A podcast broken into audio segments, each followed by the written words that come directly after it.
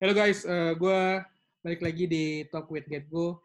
Seperti biasa, uh, dalam edisi Work From Home, yang mudah-mudahan katanya tanggal 4 Juni ini udah beres. Kita bisa balik lagi ke kantor, dan balik ke new normal, tanda kutip. Nah, we don't know yet. Setelah kemarin kita ngobrolin soal uh, apa yang bakal jadi new normal kita sehari-hari setelah post-COVID ini, sama Ibu Sri Widowati, uh, Chief uh, Growth and Digital Transformation dari Unilever Indonesia. So she said about uh, health, hygiene, uh, home.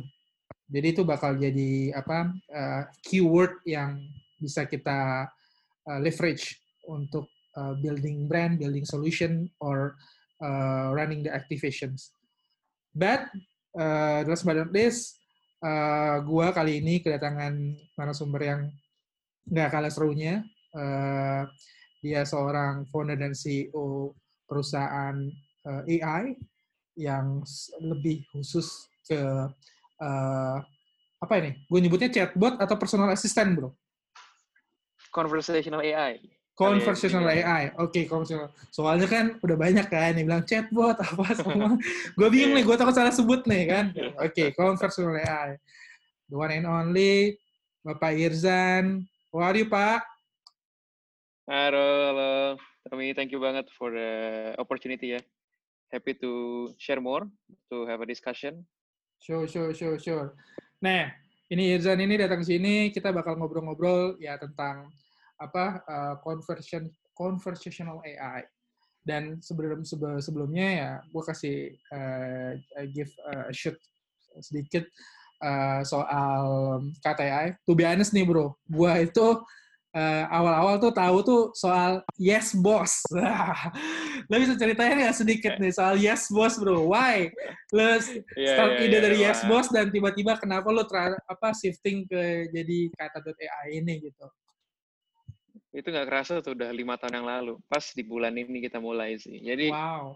uh, yes boss itu kita menawarkan layanan virtual personal assistant ya hmm. via SMS gitu kan tahun 2015. Hmm. Kenapa? Karena pada saat itu kita lihat uh, Gojek tuh lagi mulai on rise sebagai on demand platform gitu kan ya. Orang hmm. tuh udah mulai tahu lah namanya tech itu bisa jadi service ya kan. Hmm. Ngasih hmm. value impact ke kehidupan sehari-hari. Dan kita lihat orang Indonesia itu mager ya kan. Hmm. Plus cukup hmm. dilayanin gitu. Hmm. Uh, dan semua orang tuh punya SMS ibaratnya lah. Kita mikir namanya startup waktu itu kan ya, ah, ngapain hmm. bikin app Android, bikin app hmm. iOS mahal-mahal gitu kan, mesti buat dua, udahlah pakai SMS aja.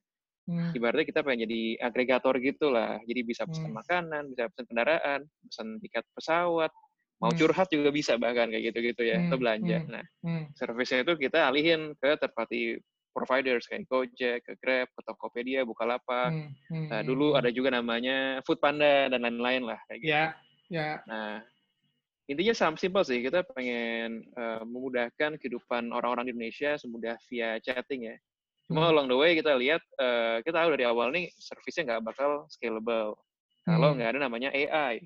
Hmm. Cuma kan AI itu kan uh, nggak bakal ada kalau nggak ada datanya kan ya. Betul. Chicken and egg problem lah kayak gitu. Betul. Ya, so dari Yes Boss kita dulu punya ratusan ribu pelanggan, kita punya sampai 50 lebih customer service agents, itu hmm. ngobrol manual semua. Jadi tahu lah gimana sih orang Indonesia itu ngobrol dengan apa dari mulai ngobrol normal, formal, ngobrol ngaco gitu kan, hmm. variasi bahasanya gitu ya. Hmm. Hmm. Sampai kita pelajarin kayak orang Indo tuh kalau ngomong texting ya, kata ganti orang pertama tuh bisa ada 13 jenis. Sebenarnya kayak saya, gue, gue, we, aku, aku, dan lain-lain lah. Itu kayak orang kita super kreatif lah. Nah, yeah. sampai satu titik kita ya udahlah I think kita research di NLP namanya uh, hmm. Natural Language Processing.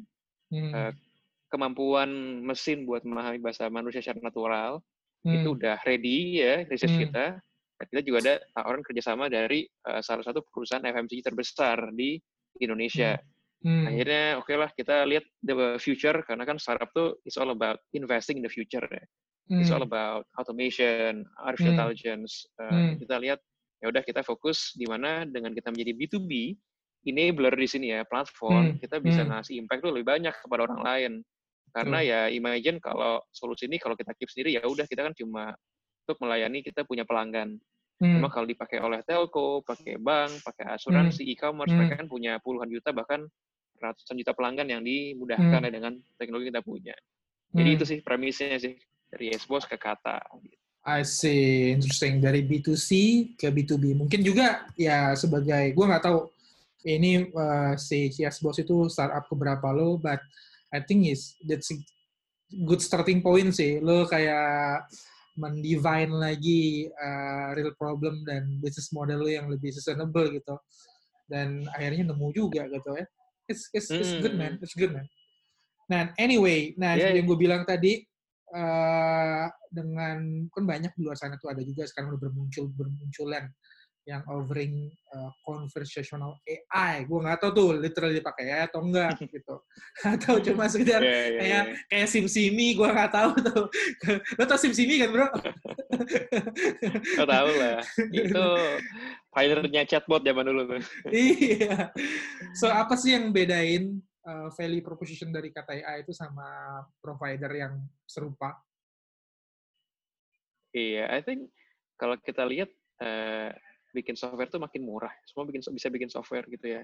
Alright. We see conversational AI, chatbot, atau virtual assistant tuh juga seperti another tech product ya. Hmm. Kita lihat kayak website gitu kan yang sucks banget juga banyak. yang Hmm, bagus tuh yang smooth, sleek desainnya, yang emang Hmm. uh, getting your needs done itu juga ada. Hmm. Sama juga Hmm. app gitu kan. App juga Hmm. ada yang value-nya kayak hundreds billions of dollars, ada juga yang Hmm. kayak it's just another app. Nah, conversational AI atau chatbot juga sama. It's Hmm. still a product yang very nascent. Hmm. kata kami percaya uh, ketika kita serving punya business customers, it's all Hmm. about making sure your customer success. Hmm. Making sure the customer success itu uh, lewat teknologi satu, cuma it takes a whole nine yards. Jadi Hmm. butuh strateginya gimana, butuh uh, integrationnya kayak gimana. Which I think most of it is strategy sih. Strategi gimana caranya lo bisa deliver produk yang driving profitability buat si customer. Hmm. Nah, itu yang kita punya jelas. Kita punya strategi and we have track records. Jadi dia tahu lihat uh, a virtual assistant should drive your profitability at your bottom line. Bukan hanya jadi cost center ya. Jadi kan Hmm. banyak juga namanya bisnis zaman sekarang lihat yang nomor satu, nomor dua pakai teknologi baru, dia FOMO kan ya, fear of missing out, pengen Hmm. coba juga. Nah yang kedua sih di bahasa ya, karena dari kami pas zaman Yes Boss aja kami koleksi millions of messages. Nah sekarang di kata kami jalan uh, tahun keempat ya kita udah proses lebih dari setengah miliar Hmm. conversations.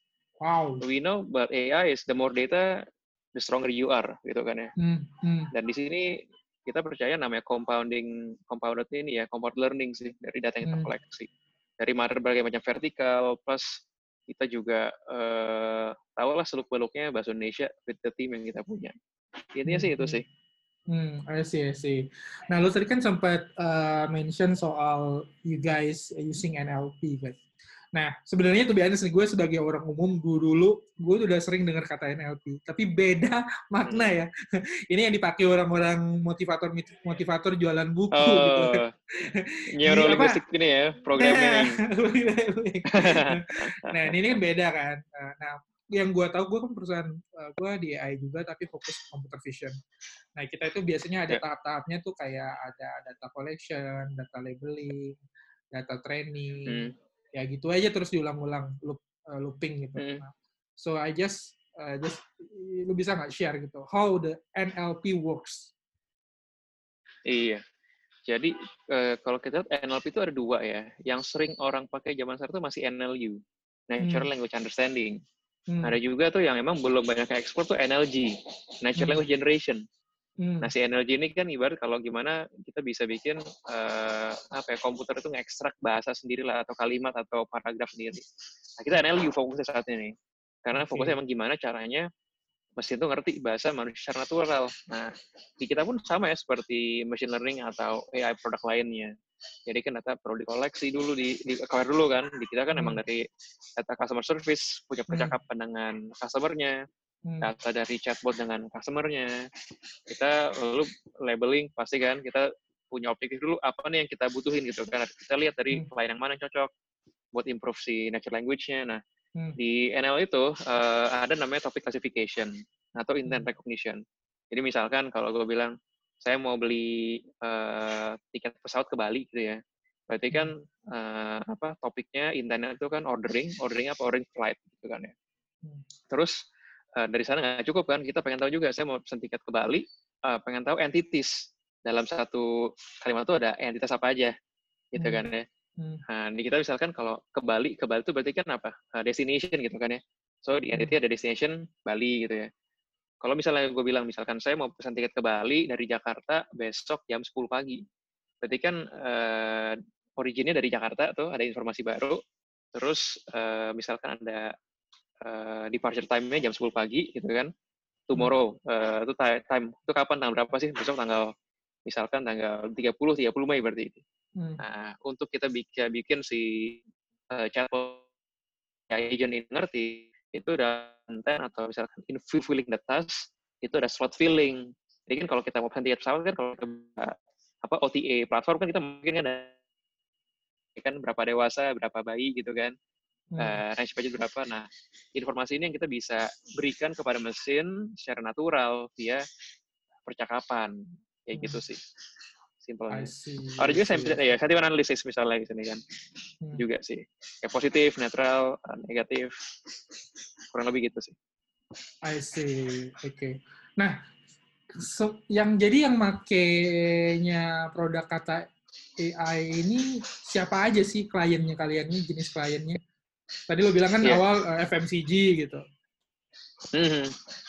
So far, alhamdulillah kami udah kerjasama lebih dari 100 klien ya di Indonesia mostly hmm. enterprise dari hmm. mulai tadi ada FMCG, telco, ada di financial service, nah, banking, hmm. insurance, hmm. uh, retail, uh, ada di government juga, lumayan bervariasi sih. Mostly mereka dipakainya buat apa, bro? Mostly mereka untuk customer service ya dan marketing, karena kan kita tahu ya pekerjaan customer service itu stressful loh. Yes. Gue dulu pernah jadi call center, ya, call center agent pas gue kuliah di Jerman, gue sempat kayak hmm. jadi ambil kerjaan part time gitu lah. Hmm. Bayangin lo mesti terima komplain tiap hari gitu kan ya, dan lo jawab hal yang sama terus ya. Terus lo mesti kalau mesti jualan gitu kan, telesales ya udah kayak mesin aja gitu. Yeah, yeah, ibaratnya yeah. lo jadi manusia, cuma ibaratnya pekerjaan mesin gitu kan. Yeah. We, I believe like a human should do humans work gitu kan, and hmm. AI is a tool di sana tuh yang hmm. bisa ngebantu. Jadi itulah kita ngelihat ini bisa menjadi uh, eh, AI sebagai tool untuk meningkatkan productivity workforces di Indonesia. Hmm, manusia yeah. kan pekerjaan manusia lah. Iya, yeah, iya. Yeah. Jadi nggak inilah ya, apa, uh, nggak kaget lah kita ya kenapa kadang-kadang suka telemarketing atau call center itu suka jutek gitu ya. Ya, dia juga manusia biasa gitu ya. Iya. Tiap hari Bener. dia dia nggak bisa menggunakan standar emosi yang sama gitu. Kecuali dia robot gitu. Itu dia. I see. Nah, uh, tadi kan mostly lo bilang banyaknya eh, buat dipakai buat customer service. So I just curious yeah. during COVID-19 ini apa hmm. uh, ada nggak sih customer insight uh, dari dari cara pemakaian si customer kalian uh, buat ya buat melewati during COVID? Gua nggak tahu apakah lebih banyak yeah. komplain, lebih banyak communication. Hmm. Hmm uh, yang gue lihat positifnya nih banyak perusahaan-perusahaan uh, ini di mana klien kita tuh menggunakan channel messaging atau si conversational AI produk ini si chatbot ini untuk edukasi ke mereka punya pelanggan terkait hmm. COVID-19. Reminding lah buat cuci tangan lah, jangan hmm. apa keluar rumah ya, showing physical distancing kayak gitu-gitu sih. Uh, tergantung sih industrinya mungkin case by case kali ya Tom ya.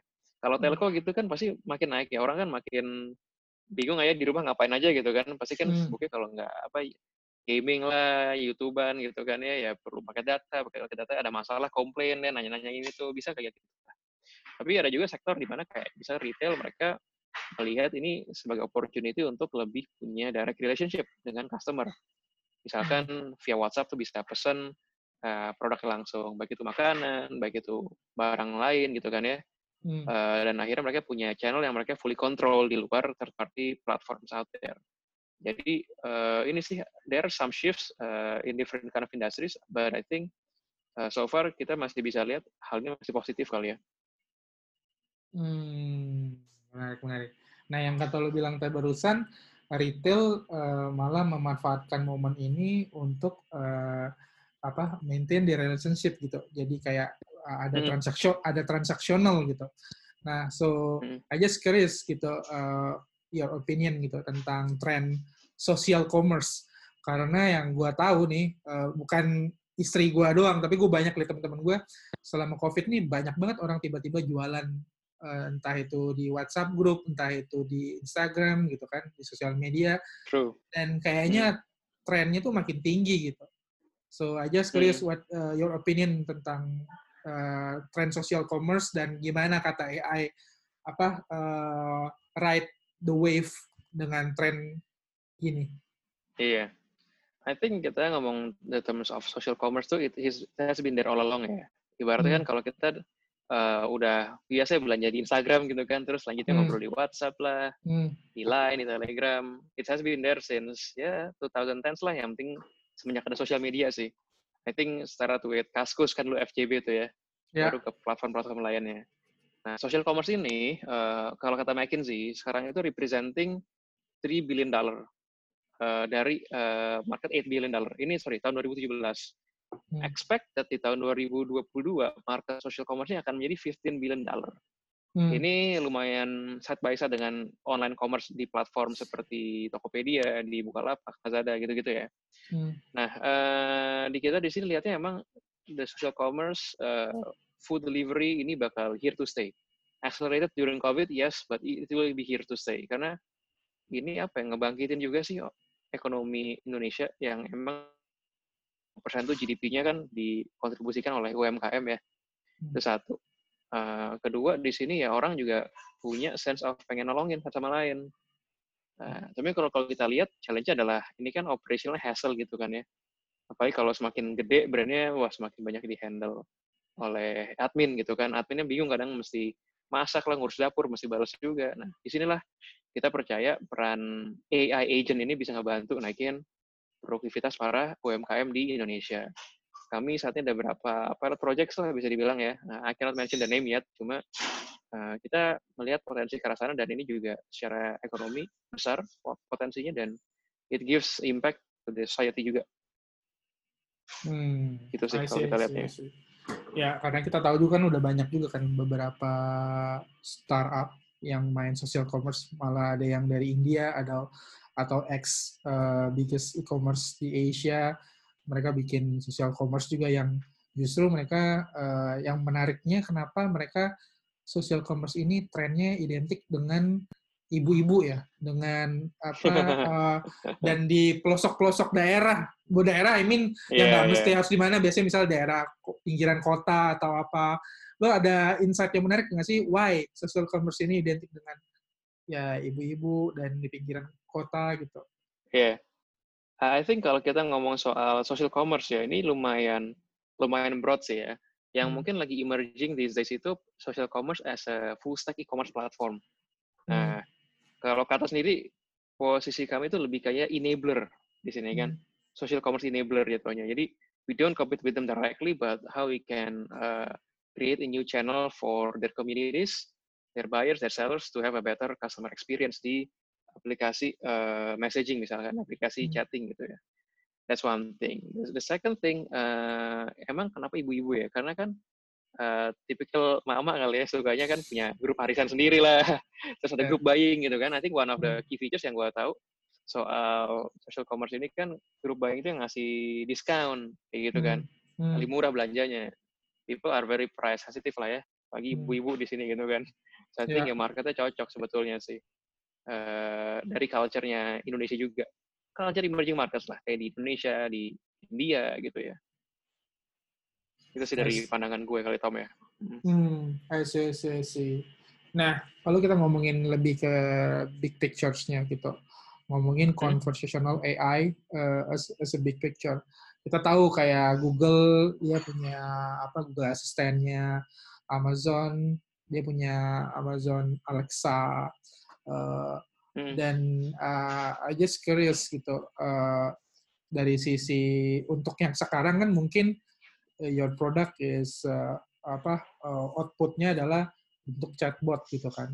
Nah, I just Hmm. curious gitu, uh, what next buat si kata AI sendiri gitu? Apakah kalian juga bakal leverage kayak akan bikin the next series of Indonesia atau what?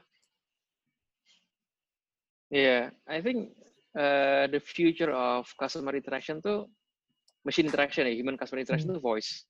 Ya. Hmm. Apalagi dengan zaman sekarang nih kan uh, touchless economy istilahnya. Yes. Nah, kalau if I have a dream one day gitu ya, kalau sekarang kita pesan makanan ya, we have to open apa sih kita punya aplikasi food delivery gitu kan ya. Hmm, hmm, Atau kita pesan kendaraan juga melakukan sama. What if nanti in the Hmm. 5 to 10 years gue bisa ngomong sama meja gitu ya, eh hmm, pesenin gue dong dari ka- ke rumah gitu kan ya. I hmm, can talk with anything around me gitu ya. hmm, Ini akhirnya membuat uh, commerce gitu kan, hmm, jadi semakin seamless. hmm, Gak usah ngomong soal voice ya. Waktu gue sempat ke China tuh ya, ke markasnya Alibaba tuh, ikut Hmm. programnya mereka buat belajar gitu. hmm, Di sana tuh ketika payment tuh udah pakai smile to pay, pakai senyum gitu ya. Wow. Udah nggak pakai QR gitu kan. Ah, ah. Eh, di KFC sana kayak gitu dan dia tahu oh muka lo saldonya berapa gitu ya. Langsung dipotong gitu. Itu akhirnya kenapa? Karena dengan ada seamless customer experience ini kan kalau kita ngomong soal funneling, conversion rate itu akhirnya semakin smooth juga, semakin effortless gitu sih. Yes, yes. Mhm. Jadi And I I believe ya masih ini AI itu bikin makin apa ya seamless dan smooth lah interaction ya. yes, yes, yes. Mungkin ini pertanyaan yang lumayan agak-agak apa eh, sensitif karena gue juga sering ditanya. Mhm. uh, you talk about AI, uh, yang biasanya orang average people pasti bilang uh, AI akan banyak membunuh lapangan pekerjaan. Hmm. Ya, atau lu bilang aja lu bisa menggantikan CS kan. Sebenarnya uh, sementara customer service itu ibaratnya itu kan labor job kan. Uh, Ya. Uh, so I just curious tentang lo satu, kedua AI uh, dibenturkan sama privacy gitu. So Hmm. what do you think about gimana kita bisa menjalanin AI tapi tetap bisa ngejaga privacy customer gitu? Sure, sure. Uh, first thing ya, kita ngomong soal uh, where AI will be taking over the jobs or not. Jadi Hmm. kalau kita lihat, kita ngomong soal AI itu punya dua kubu. Kubu yang melihat AI sebagai juru selamat, the magic Hmm. one gitu kan. Ini Hmm. bakal bisa gantiin pekerjaan segala macam. Hmm. Well, uh, we're not at there yet gitu kan. Ada Hmm. juga kubu kayak, AI ini bakal jadi uh, taking over our jobs gitu kan ya. Kita bakal kehilangan pekerjaan. Hmm. The way I see it, with the state of the art of technology, AI itu sebagai tool. Hmm. Tool yang membantu kita bekerja lebih produktif.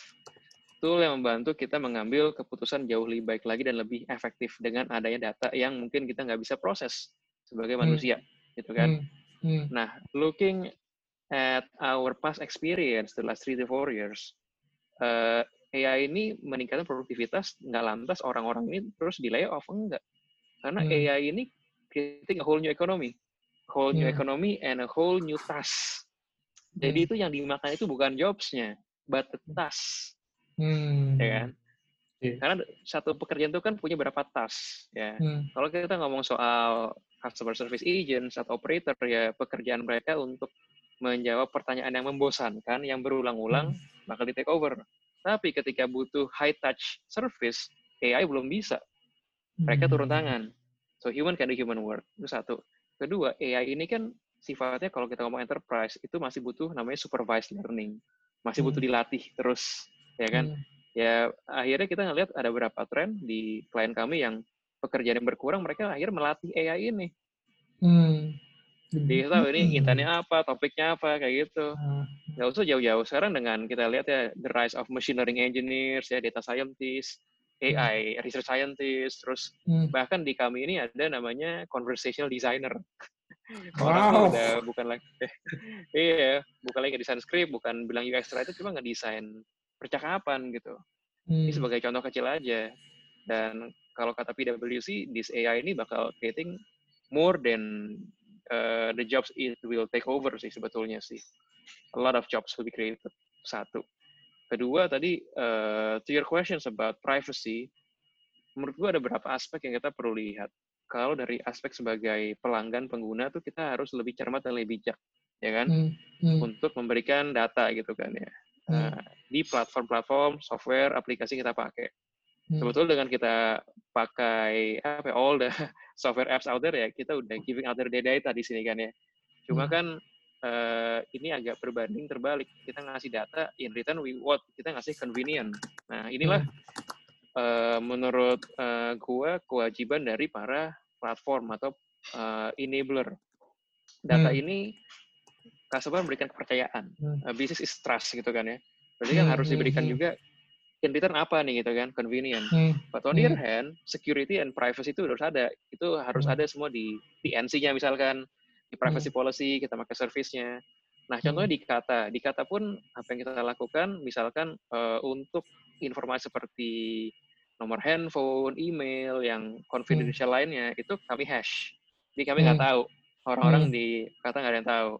Hmm. Ketiga, kami juga respect uh, beberapa customer punya uh, ini compliance gitu ya. Hmm. Apalagi di ranah perbankan, telkom gitu, hmm. telco akhirnya kita melakukan namanya on-premise deployment.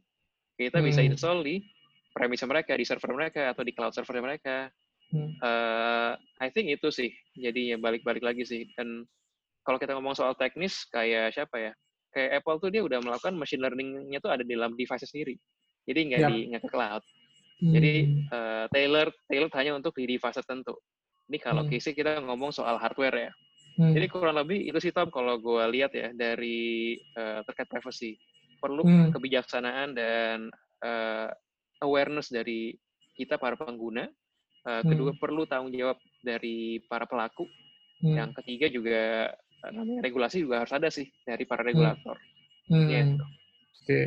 Jadi bisa kita pastikan buat lo di luar sana yang mau pakai apa services uh, conversational AI ya gue nggak tahu ya brand lain tapi at least hari ini gue ngobrol sama Yuzen ya confirm gitu tenang aja uh, aman kok. Jadi nggak nah percakapan lu nggak akan dilihat gitu.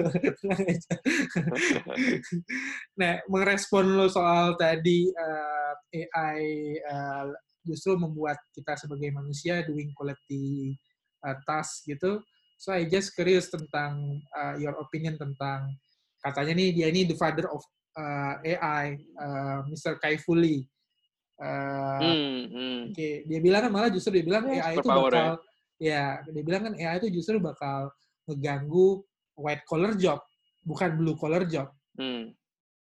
Ya, tapi gue nggak tahu nih. Tapi yang gue lihat banyak kerjaan AI kayak ya gue lihat nih ada teman-teman kayak misal bikin uh, people dwelling, car car uh, car counting gitu. Itu kan ngeganti kayak blue collar kan yang lu nggak perlu jaga parkir, jaga tol atau apa gitu.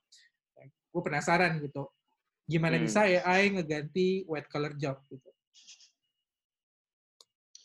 Iya, yeah, iya, yeah, yeah. I think white collar job di sini, uh, I've read the news misalnya di some insurance companies gitu kan ya, hmm. yang ibaratnya buat uh, claim processing kayak gitu kan ya, hmm. itu kan hmm. butuh human jobs. Uh, tapi sih gini, kalau gue lihat tuh uh, relation of future of work, AI and jobs itu ke kebagi menjadi empat kuadran sih ya. Hmm. Kuadran pertama itu semakin ke kanan itu butuh uh, ibaratnya uh, apa ya creativity and compassion. Oke, okay? hmm. itu kalau ke kanan. Ke yang vertikal, yang vertikal itu bisa dibilang uh, butuh uh, antara augmentation atau automation kayak gitu. Nah, kalau di sebelah kanan itu kita lihat AI ini sebagai augmentation. Sebelah kanan tuh kerjaan yang butuh kreativitas, butuh compassion, hmm. misalkan terkait marketing, terkait bisnis ya, becoming a CEO, CMO hmm. hmm. atau menjadi misalkan some uh, anything creative job lah. Itu AI bakal jadi augmented job. Uh, sebelah kiri, kiri itu bisa dibilang AI itu akan take over some task. Misalnya jadi apa ya, beauty consultant. Dengan adanya apa image recognition tuh orang bisa lihat ngefoto, hmm. ngefoto kondisi kulit seperti apa kan, ini dapat hmm. uh, rekomendasikan pakai sabun apa, pakai obat apa kayak gitu ya. Hmm. Terus dari sana kan tetap ada pekerjaan juga yang harus komunikasi dengan uh, manusia dengan si pelanggannya kan ya. Kita hmm. ngomong soal teacher juga sama. Dengan ada personalized hmm. learning, AI ini hadir untuk menjadi kurikulum uh, builder di sini kan. Hmm. Satu, kedua, uh, misalkan juga belajar tuh bisa di mana aja, tapi uh, uh, AI-nya di sini bisa uh, ngebantu untuk kayak remote learning, bisa jatuh kayak gitulah ya. Uh, the same thing with apa planner. Nah, sebelah kanan bawah itu butuh creativity cuma nggak butuh banyak compassion ya. Misalkan sebagai analis, kolumnis, ekonomis yang banyak bermain dengan data, AI ini bakal ngambil setengah pekerjaannya, tapi uh, tetap butuh creativity di sana gitu ya, nggak butuh compassion banget. Nah, yang hmm. sebelah kiri bawah ini bakal lebih taken over, yang memang uh, kalau kita lihat kayak uh, pekerjaan sebagai di customer service gitu kan ya, sebagai hmm. driver, sebagai apa lagi ya, dishwasher misalkan. Jadi uh, I would say not exactly true gitu kan ya. 100% di take over bakal enggak karena manusia itu punya akal pikiran kan ya kita juga hmm. punya hati dan kita bisa kreatif lah bisa belajar terus skill baru juga kalau gue kayak gitu ya hmm I see, I see. the last nih uh, selama hmm. covid uh, uh, kata AI apakah ada inisiatif ngeluarin produk atau feature atau solution enggak selama covid ini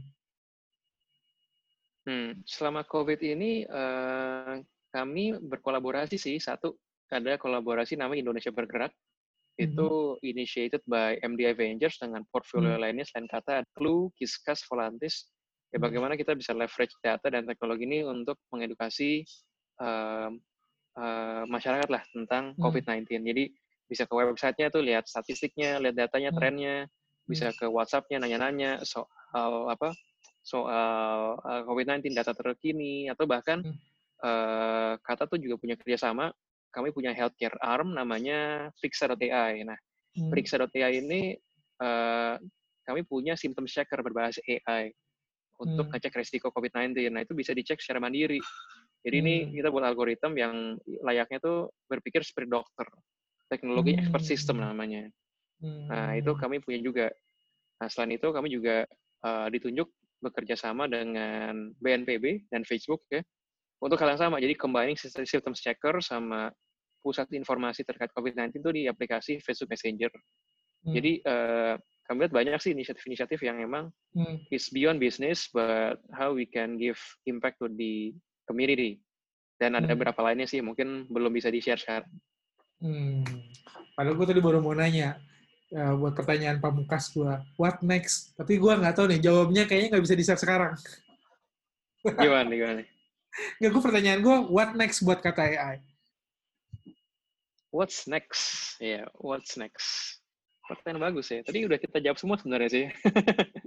Intinya sih, apa pun yang bisa memudahkan kehidupan kita sebagai masyarakat lebih mudah, hmm. apalagi dengan ada WhatsApp API sekarang ya.